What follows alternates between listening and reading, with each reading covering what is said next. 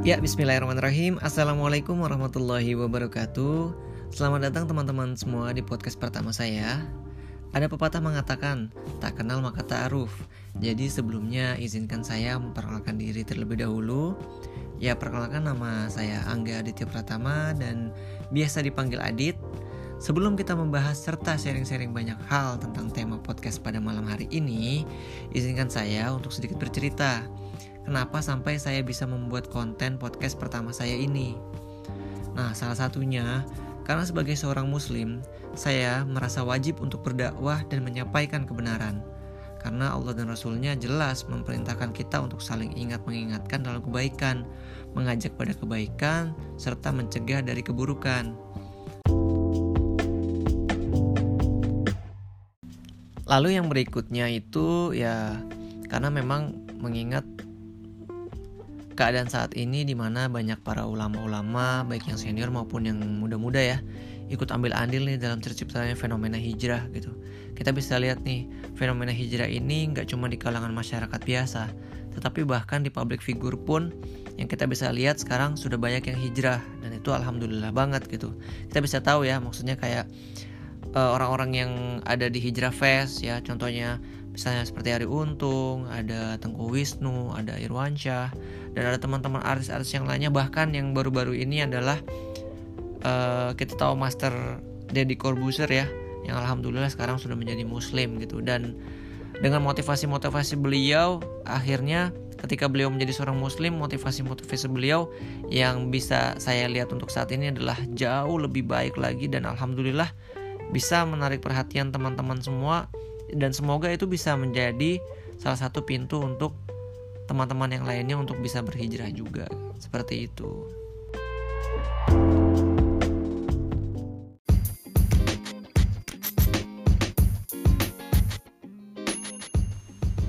Nah, balik lagi nih ke topiknya. Kalau misalnya teman-teman bisa baca, topik dari judulnya ini adalah Awakening of Intention atau kebangkitan dari niat mungkin bertanya-tanya ya teman-teman. Kebangkitan niat yang seperti apa sih maksudnya gitu? Nah kita bahas dulu nih dari segi bahasa dari niat itu sendiri gitu. Kalau secara bahasa niat itu adalah sesuatu perbuatan yang kita lakukan karena ada maksud dan tujuan. Nah dari situ kita bisa garis bawain dong ya kan? Perbuatan perbuatan atau sesuatu yang kita kerjakan. Nah kalau kita membahas ini secara dalam gitu mungkin teman-teman ada yang mungkin pernah belajar tentang kitab Arba'in Anawawiyah dan situ ada hadis pertama yang ngebahas tentang masalah niat ini gitu. Yang di mana bunyinya itu adalah inamal a'malu biniat atau suatu perbuatan itu tergantung dari niatnya. Nah jadi di sini kita kembalikan apakah teman-teman sudah memahami maksud dari niat itu sendiri dan apakah teman-teman sudah melakukan niat itu sesuai dengan porsinya. Karena dari hadis Anawawiyah yang tadi kita yang sudah saya sebutkan di situ dijelaskan Rasul sudah bilang pada hadis itu adalah tentang ketika seseorang itu berniat melakukan sesuatu hal itu karena Allah dan Rasulnya insya Allah yang didapat adalah Allah dan Rasulnya gitu. Kalau Allah dan Rasulnya saja yang sudah didapat, otomatis ya pasti apa yang kita inginkan untuk perkara dunia, insya Allah mengikuti dan akan diberikan juga gitu. Nah, yang berikutnya Rasulullah bilang ketika kita meniatkan sesuatu itu karena harta dunia atau karena wanita yang ingin wanita atau laki-laki yang kita ingin miliki atau ingin kita nikahi ya perbuatan itu ya hanya mendapatkan apa yang kita inginkan saja gitu. Belum tentu mendapat ridha Allah dan ridha Rasulullah gitu. Jadi misalnya contohnya ketika nih kita mau berniat nih untuk apa ya contohnya ya? E, niat kita contoh hijrah deh kita hijrah kita ingin berubah tapi niatnya karena apa? Kita lihat uh, orang yang kita sukai nih ternyata dia hijrah juga gitu. Dia hijrah dia mulai memperbaiki diri mulai mempelajari agama akhirnya kita jadi oh kita juga harus nih gitu. Biar apa? Biar kita di istilahnya dilirik sama uh, yang kita suka ini gitu. Bukannya malah niatkan ini karena Allah Ta'ala nah di situlah teman-teman yang mau saya bahas jadi kebanyakan ya kalau misalnya kita lihat untuk fenomena saat ini gitu. Masih banyak gitu teman-teman di luar sana yang salah dalam mengartikan niatnya gitu. Entah itu niat untuk berhijrah atau mungkin niat untuk berubah gitu. Karena begini teman-teman, ketika kita tidak bisa mengetahui niatan kita yang sebenarnya itu untuk apa gitu.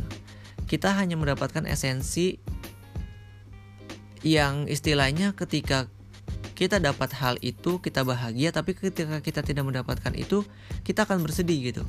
Sedangkan ketika kita menyerahkan semuanya kepada Allah gitu kepada kita serah kita serahkan apa pun yang terjadi biarkan Allah yang mengatur gitu dan apa pun hasilnya ketika kita dapatkan nanti ya kita bersyukur gitu. Kita syukuri semuanya gitu. Karena kita yakin ketika kita benar-benar menempatkan semuanya karena Allah Ta'ala apa pun itu apa pun keputusannya kita pasti paham. Karena sebaik-baiknya kita berencana Allah lah yang mempunyai rencana paling baik gitu. jadi dari situ kita harus pahami nih kira-kira esensinya itu sudah benar belum kita dalam berhijrah seperti tadi hadis yang sudah saya sebutkan kalau kita hijrahnya karena Allah dan Rasulnya, insya Allah apa pun yang diridhoi sama Allah dan Rasulnya akan kita dapatkan. Tapi kalau misalnya kita berniatkan itu sesuatu karena memang suatu perkara perkara dunia maupun itu perkara eh, pasangan yang ingin kita miliki, bisa saja kita mendapatkan hal itu, tapi kita tidak mendapatkan ridhonya. Dan bisa jadi ketika kita tidak mendapatkan itu, malah justru kita merasa berpaling dari Allah dan Rasulnya karena apa? Ah, saya sudah minta ini, saya sudah minta itu, tetapi kenapa tidak dikabulkan? Itu yang menjadi esensi buruk gitu. Yang di mana seharusnya sebagai sebagai seorang Muslim kita itu harus tetap terus bersyukur atas apa yang telah Allah berikan. Karena sebaik-baiknya seorang muslim itu adalah yang pandai bersyukur.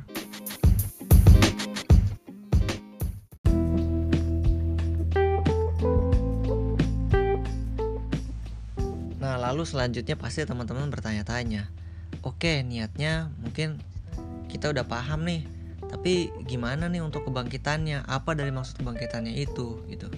Nah, kenapa awakening of intention yaitu itu merupakan suatu harapan gitu harapan di mana uh, diri saya teman-teman diri teman-teman semua gitu bisa mendapatkan yang namanya kebangkitan dari niat ini gitu atau uh, ketika niat ini bangkit menjadi niat yang lurus gitu niat yang betul-betul niat yang di mana teman-teman sudah tidak salah lagi dalam berniat gitu jadi ketika teman-teman melakukan suatu hal atau melakukan suatu perbuatan ke depannya gitu.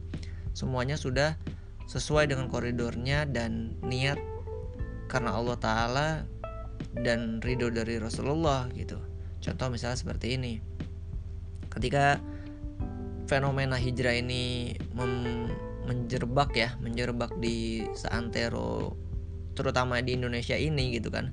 Tadi seperti saya sudah bilang kalau misalnya kalangan-kalangan artis pun dan kalangan-kalangan para ulama-ulama juga sudah banyak tentang membahas tentang hijrah gitu. Banyak teman-teman di sana yang istilahnya masih banyak yang salah kaprah dalam mengartikan hijrah ini gitu. Salah satunya fenomena yang dilihat itu adalah pernikahan ya. Kita membahas masalah pernikahan gitu karena ini menyangkut tentang niat juga Kenapa saya membahas ini? Karena di satu sisi saya melihat sendiri gitu. E, pada kenyataannya adalah karena suatu suatu ketika saya pernah datang ke pengadilan agama dan di sana fenomena yang saya lihat sendiri dengan mata kepala sendiri adalah banyaknya orang yang bercerai gitu atau angka perceraian yang ketika saya lihat gitu itu banyak banget gitu. Walaupun fenomena hijrah ini dan pernikahan dari teman-teman yang sudah berhijrah itu banyak gitu dan terlihat bahagia yang mudah-mudahan memang karena diniatkan karena Allah ya alhamdulillah jadi betul-betul betul-betul bahagia gitu. Sakinah mawadah warahmah gitu. Tetapi ternyata pada kenyataannya banyak di luar sana orang-orang yang belum memahami esensi ini gitu. Ya walaupun tidak bisa dibilang sepenuhnya itu orang-orang hijrah yang mengalami itu gitu. Tetapi di satu sisi kalau kita menggarisbawahi secara umum saja ya secara umum bukan secara khusus itu merupakan sesuatu fenomena yang istilahnya sungguh disayangkan gitu kenapa dari sebuah pernikahan bisa terjadi yang namanya perceraian atau perpisahan ini gitu karena ketika perceraian itu terjadi, sebetulnya banyak pihak-pihak yang dirugikan gitu ya. Terutama sebetulnya dari pihak yang bercerai itu sendiri gitu. Karena di satu sisi mereka sudah menghabiskan pasti pasti sudah menghabiskan banyak biaya, sudah banyak menghabiskan banyak tenaga juga, sudah menghabiskan istilahnya ya sudah banyak lah yang dikorbankan gitu.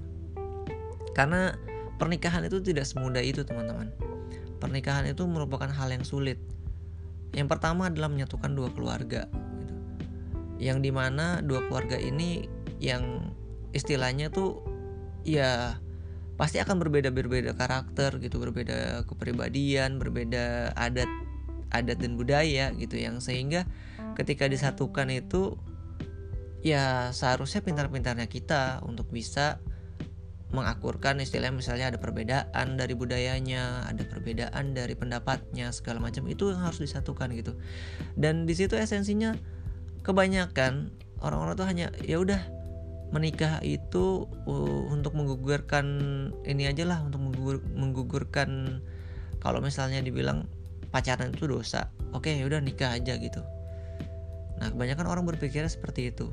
Udah yang penting menggugurkan kalau misalnya ini tuh haram gitu hubungan ini haram gitu atau melakukan hal ini tuh haram. Tapi dengan menikah semuanya dirasa lebih mudah padahal sebetulnya itu lebih susah. Kita balik lagi ke masalah niat ketika niat kita menikah itu karena Allah Subhanahu wa taala dan mengharapkan ridho dari Rasulullah Insya Allah keluarga yang kita bangun adalah keluarga yang mengejar janahnya Allah gitu Di mana ketika tantangan apa pun yang ada di depan mata bisa dihadapi secara bersama-sama gitu. Esensinya menikah itu kan adalah menghadapi setiap cobaan dan ujian dari Allah bersama-sama.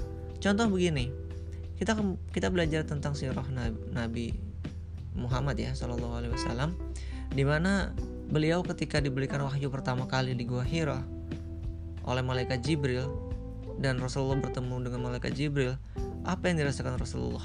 Rasulullah sangat ketakutan Rasulullah sangat ya kita bisa bayangkan gitu shock gitu bayangkan kita ketemu sama sosok yang kita belum pernah lihat dan itu merupakan malaikat gitu yang diutus Allah untuk menyampaikan wahyu gitu kepada kita gitu ya apa gitu rasanya menggigil ketakutan itu yang dirasakan Rasulullah ketika pulang ke rumah dan ibunda Khadijah menghampiri Rasulullah, apa yang dilakukan Ibunda Khadijah? Ibunda Khadijah menyelimuti Rasulullah, mensupport Rasulullah dan bukannya malah ya kalau misalnya kita balik lagi ke zaman ini gitu. Apa sih kira-kira ketika pasangan kita mengalami hal seperti itu ya? Contohnya ya menggigil dan ketakutan apa segala macam. Pasti kita akan bilang ah kenapa sih? Kenapa sih? Gitu. Ada apa sih? Gitu. Ah lebay lah kayak gitu. Gitu kan. Akan seperti itu gitu. Tapi ketika kita ini benar-benar niatkan kita saling support satu sama lain apa pun yang terjadi antara pasangan kita atau di antara kita sendiri diri kita sendiri kita akan merasa ada supportan gitu. Entah kalau misalnya pasangan yang mengalami hal seperti itu kita akan support. Atau mungkin kita yang mengalami hal seperti itu pasangan kita yang akan support. Itulah yang sebetulnya menjadi suatu esensi dari sebuah pernikahan yaitu saling melengkapi. Saling melengkapi saling membantu saling mensupport gitu. Nah tetapi pada zaman ini kebanyakan yang kita lihat adalah fenomena perceraian perceraian. Karena apa ternyata ketika sudah menikah tidak cocok. Tidak cocok karena sebelumnya tidak tahu kebiasaannya ternyata tidurnya ngorok. Ya misalnya ini contoh aja ya. Tidurnya ngorok tidurnya mendengkur suka kentut sembarangan. Ya mohon maaf. Uh, jadi istilahnya tuh kita baru tahu lah gitu apa namanya borok-boroknya itu ketika sudah menikah. Masa sih kita tinggalkan yang seperti itu? Kan kita harus terima ya kan apa pun juga kita harus terima oke mungkin ada yang bilang oh iya kalau hal-hal seperti itu ya memang kita udah bisa terima semuanya tapi terkadang terkadang ada hal-hal yang istilahnya tidak bisa diterima. Contohnya apa? Oh ternyata uh, ini orang nggak bisa nih memahami apa yang saya inginkan. Nah dengan seperti itu merasa akhirnya dia bukan jodoh saya nih. Tapi kalau misalnya sudah menikah mau bagaimana lagi gitu. Tapi ada orang yang merasa kayak oh hal seperti itu ya memang tidak cocok gitu tidak apa-apalah selama dia masih bisa menafkahi saya masih bisa memberi saya makan masih bisa ngajak saya jalan-jalan gitu ya teman-teman bukan di situ esensinya ya tapi ya kita harus kembali balik lagi ke tema kita tadi. Awakening of intention. Kita harus tuh bisa membangkitkan niat kita. Membangkitkan niat kita apa? Niat kita karena Allah dan Rasulnya. Dan itu adalah niat terbaik gitu. Apa pun uh, halangan di depan gitu badai itu semua bisa kita lakukan bareng-bareng. Kita bisa lihat semuanya dari sirah-sirah yang kita pelajari dari rasul-rasul sebelumnya ya dari mulai Nabi Ibrahim dengan ibunda Siti Hajar ya kan? Di mana ketaatan seorang Siti Hajar dipertaruhkan saat Nabi Ibrahim diperintahkan Allah untuk meninggalkan ibunda Siti Hajar bersama dengan Ismail di gurun pasir yang begitu tandus. Yang sehingga ketika uh, ibunda men menjelaskan gitu kan ibunda ini ibunda Siti Hajar ini sampai bilang gitu e, ya suamiku kenapa Kenapa kau meninggalkan kami? Apa kau tega meninggalkan kami di sini? Nah, Nabi Ibrahim tidak menengok sama sekali itu. Karena Allah bilang tidak boleh menengok. Tapi ketika dipanggil, dipanggil, dipanggil, dipanggil oleh Ibunda Siti Hajar, akhirnya Ibunda Siti Hajar paham sendiri. Dan Ibunda Siti Hajar berbicara seperti ini. Kalau memang ini memang perintah dari Allah, Aku ridho engkau meninggalkan kami di sini. Dan akhirnya Nabi Ibrahim menengok dan mengatakan kepada ibunda Siti Hajar, "Ya, Allah ini ini ini merupakan perintah dari Allah." Dan akhirnya ibunda Siti Hajar rela untuk ditinggalkan oleh Nabi Ibrahim di tengah gurun pasir dan sehingga terjadilah peristiwa uh, keluarnya mata air zam-zam yang sekarang ini istilahnya ya kita semua bisa nikmatin gitu kan. Dari situ kita bisa dapat pelajaran. Sebenarnya banyak pelajaran-pelajaran berharga yang bisa kita dapat gitu. Dan esensinya harus kita paham. Tapi kalau kita kita tidak paham sama sekali ya niat itu akan hancur semua begitu saja. Apakah niat untuk menikah yang tadinya sudah sampai perjanjian akad akhirnya mau di ingkari dan dikhianati seperti itu saja dengan perceraian? Tidak mungkin kan? Ya jadi teman-teman ya marilah kita sama-sama kita kembalikan lagi nih ke topik yaitu tentang kebangkitan niat. Ya kita harus benar-benar untuk niat mungkin untuk teman-teman yang sekarang masih sedang menjalani masa-masa kuliah gitu. Niatkan dengan niat terbaik yaitu untuk lulus dengan nilai terbaik dan bisa membahagiakan orang tua dan bisa mendapatkan pekerjaan yang layak dan bisa membahagiakan orang tua gitu dengan memberikan kesuksesan. Juga untuk yang teman-teman yang sudah bekerja gitu kan ya niatkan kerjanya ini untuk mencari rezeki dan jangan lupa setiap rezeki kita ini ada orang-orang yang membutuhkan juga gitu. Harus harus kita salurkan juga ke yang membutuhkan. Ya kita juga bisa tuh kalau kita sudah bekerja kita bisa tuh bahagiakan orang tua kita sebelum orang tua kita sudah tidak ada gitu. Karena memang ya umurnya orang tua kita pasti lebih tua dari kita gitu kan. Di mana ya pasti ya mungkin bisa jadi ya kita duluan yang meninggalkan orang tua kita dulu bukan orang tua kita yang meninggalkan kita. Tapi seenggaknya persiapan terbaiknya adalah apa yang apa hal terbaik yang sudah kita berikan kepada orang tua kita gitu. Dan ya memang itu reminder buat diri saya sendiri gitu. Yang istilahnya iya kalau mau dibilang apa sih yang sudah saya berikan kepada orang tua saya gitu. Bahkan ketika saya sudah bisa memberikan sesuatu yang memang besar banget kepada orang tua saya tidak ada yang bisa menandingi kasih sayang orang tua kita itu sendiri gitu. Ya itu yang harus kita kembalikan. Niat kita karena memang benar-benar sayang sama orang tua niat kita karena benar-benar kita ingin hijrah karena Allah dan kita ingin ridho Rasulullah dan kita ingin mendapatkan syafaat beliau di umur akhir nanti kita harus melakukan yang terbaik yaitu kebangkitan niat kita. Semangat mungkin sampai di sini dulu mohon maaf jika ada salah-salah kata maupun perbuatan yang salah itu datangnya dari diri saya sendiri yang kurang-kurang dari diri saya sendiri dan kebenaran itu datangnya dari Allah Subhanahu wa taala. Kurang lebihnya mohon maaf. Wabillahi wal taufiq wal hidayah. Wassalamualaikum warahmatullahi wabarakatuh.